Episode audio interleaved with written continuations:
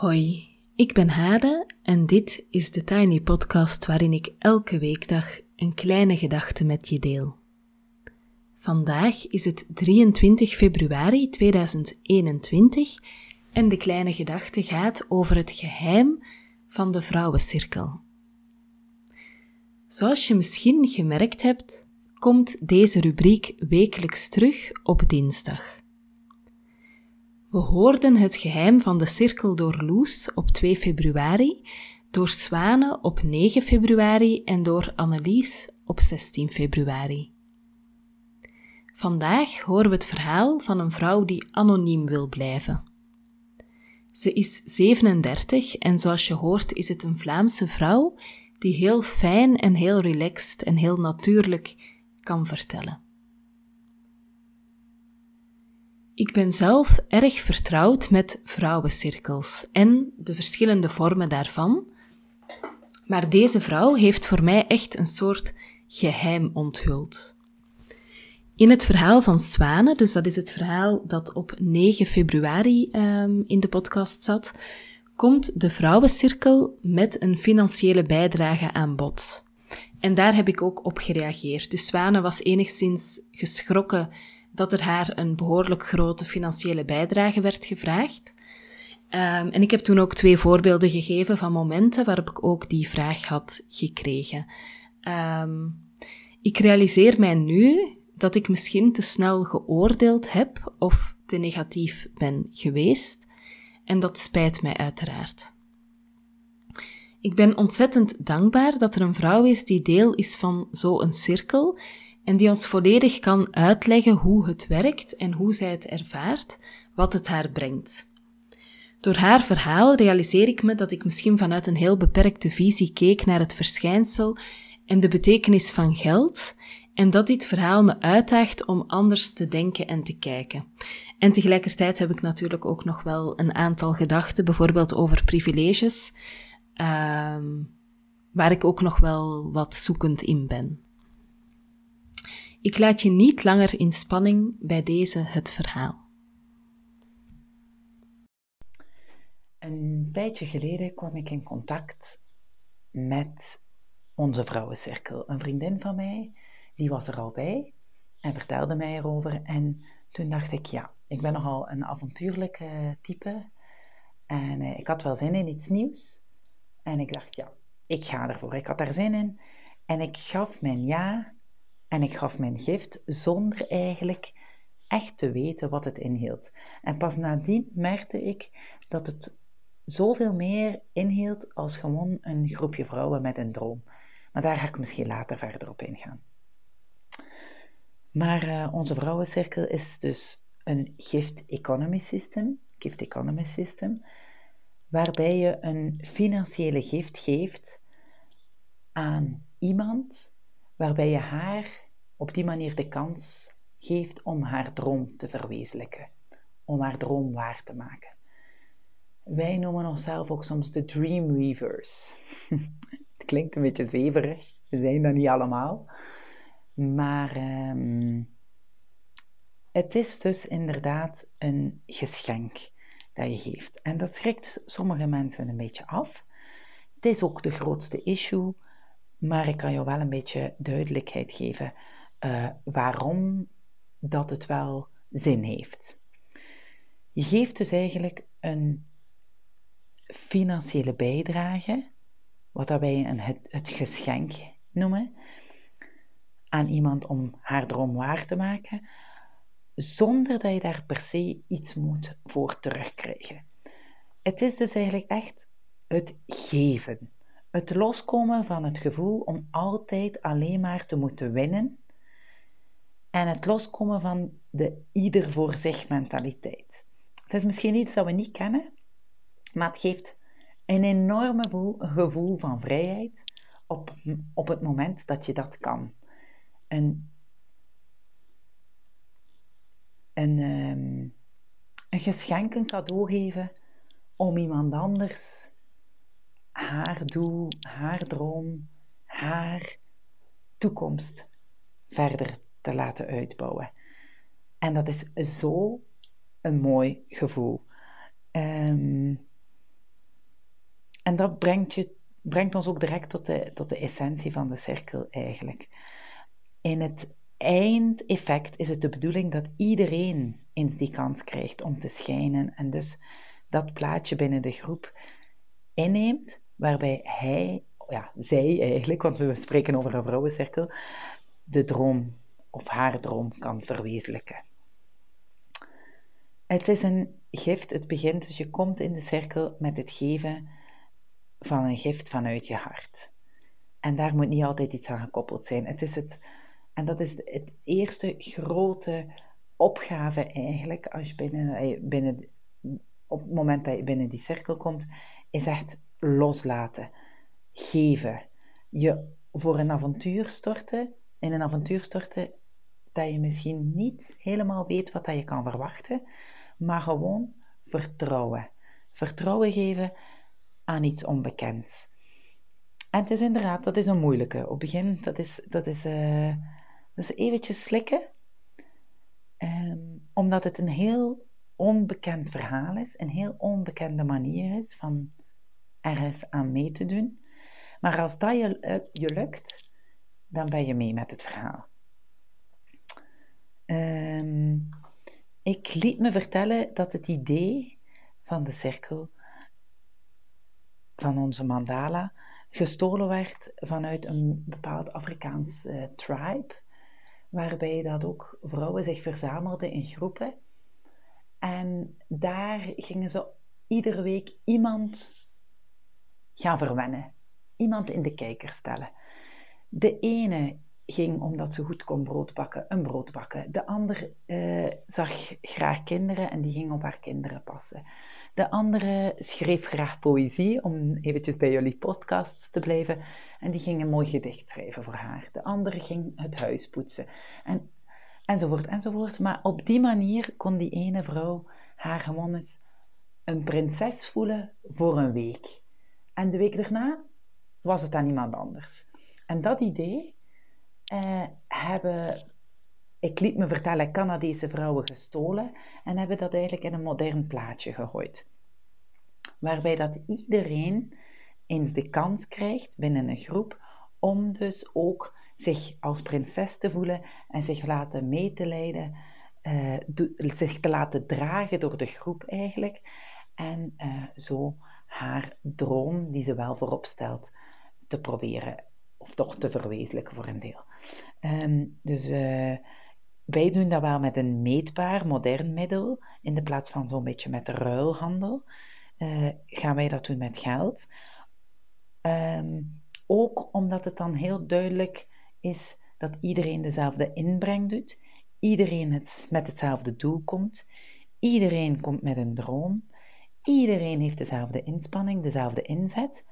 En uh, uit ervaring merken wij gewoon dat dat ook het langst duurt. Als het bedrag niet gelijk zou zijn of het bedrag is niet groot genoeg, dan is dat gewoon een systeem die niet zou werken. Want dan zetten mensen hun schouders er niet onder en gaan ze misschien er niet te volle voor. En dat is, ja, dat is iets wat, dat, uh, wat dat wij natuurlijk niet, niet willen. Als we een ja krijgen, dan uh, willen we ook gewoon iedereen mee met ons verhaal. Um, ja, ik heb nog een paar uh, andere dingen natuurlijk geleerd in, in, onze, in onze mandala. Het is zo dat wij opgebouwd zijn, dat onze groep opgebouwd is volgens de verschillende natuurelementen. Je komt erin als fire, als vuurtje waarbij dat je dus eigenlijk de sprankelende nieuwe energie geeft aan de groep, omdat je dus eigenlijk een nieuw persoon bent. En met je gift. Uh, elk element heeft ook zo'n beetje zijn rolletje. En het rolletje van de fire is ook direct het loslaten, het geven van de gift zonder condities. Dan uh, in de volgende ronde kom je dan in de windpositie daar ga je eigenlijk uh, het woord gaan verspreiden. Uh, de volgende ronde ben je dan een aarde, de aarde. Um, de aarde is zo'n beetje degene die de wortels heeft aan de groep. Degene die zo'n beetje de, de, de, de, de, de steady base, de, de, de, de, de, de ja, de, de, de basis geeft aan, aan de groep. En die dus eigenlijk ook gaat gaan uh, kijken, die, wat, wat, wat heeft onze groep nodig, waar kunnen we nog ondersteunen, meer de ondersteunende factor. En de laatste, de ene um, vrouw, dus die eigenlijk verwend wordt, die is de water. Die laat zich meevloeien en dragen door de andere elementen. En uh, die gaat gewoon mee met de stroom. Um, wij zijn, uh, dus iedereen krijgt eigenlijk de kans om dan eens in die waterpositie te komen. En als je ook je gift hebt gekregen, dan ga je er ook uit. Dan stap je dus eigenlijk uit de cirkel. Dan ben je aan de beurt geweest en dan heb je de mogelijkheid om er opnieuw in te stappen met een nieuwe gift.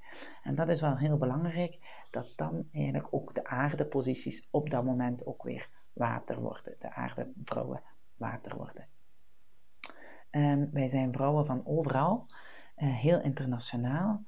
Um, alle leeftijden, alle uh, maten, geuren, kleuren. Um, en dat is juist hetgeen wat dat zo inspirerend en zo verrijkend is. We zien elkaar één keer per, per week in een, uh, in een Zoom-meeting natuurlijk, doordat wij zo internationaal zijn, uh, is het heel handig. Wij doen al jarenlang, of ja, uh, het systeem van de Mandala doet al jarenlang met Zoom-meetings werken. Tegenwoordig is het heel modern. Uh, maar dat was voor ons niet nieuw voordat dat lockdown begon in, in maart. En wij hebben ook een WhatsApp-chat waarin dat we dingen delen uh, alledaagse dingen, alledaagse ervaringen, dat we graag willen delen met elkaar. Uh, waar er soms vragen gesteld worden, mensen een beetje geactiveerd worden tot het nadenken over bepaalde thema's. Um, foto's kunnen daaruit gewisseld worden. Dat is meer zo het alledaagse uitwissel, uitwisselplatform. Um, we praten nu wel over uh, over een vrouwencirkel, maar eigenlijk zijn wij heel flexibel. We moeten flexibel zijn, we zijn van overal. We moeten flexibel zijn qua tijd, qua. Um, uh, omdat er natuurlijk maar heel veel uh, tijdverschil zit, maar zelf ook um, met uh, de ene die eens wat minder actief is, de ander die eens wat actiever is.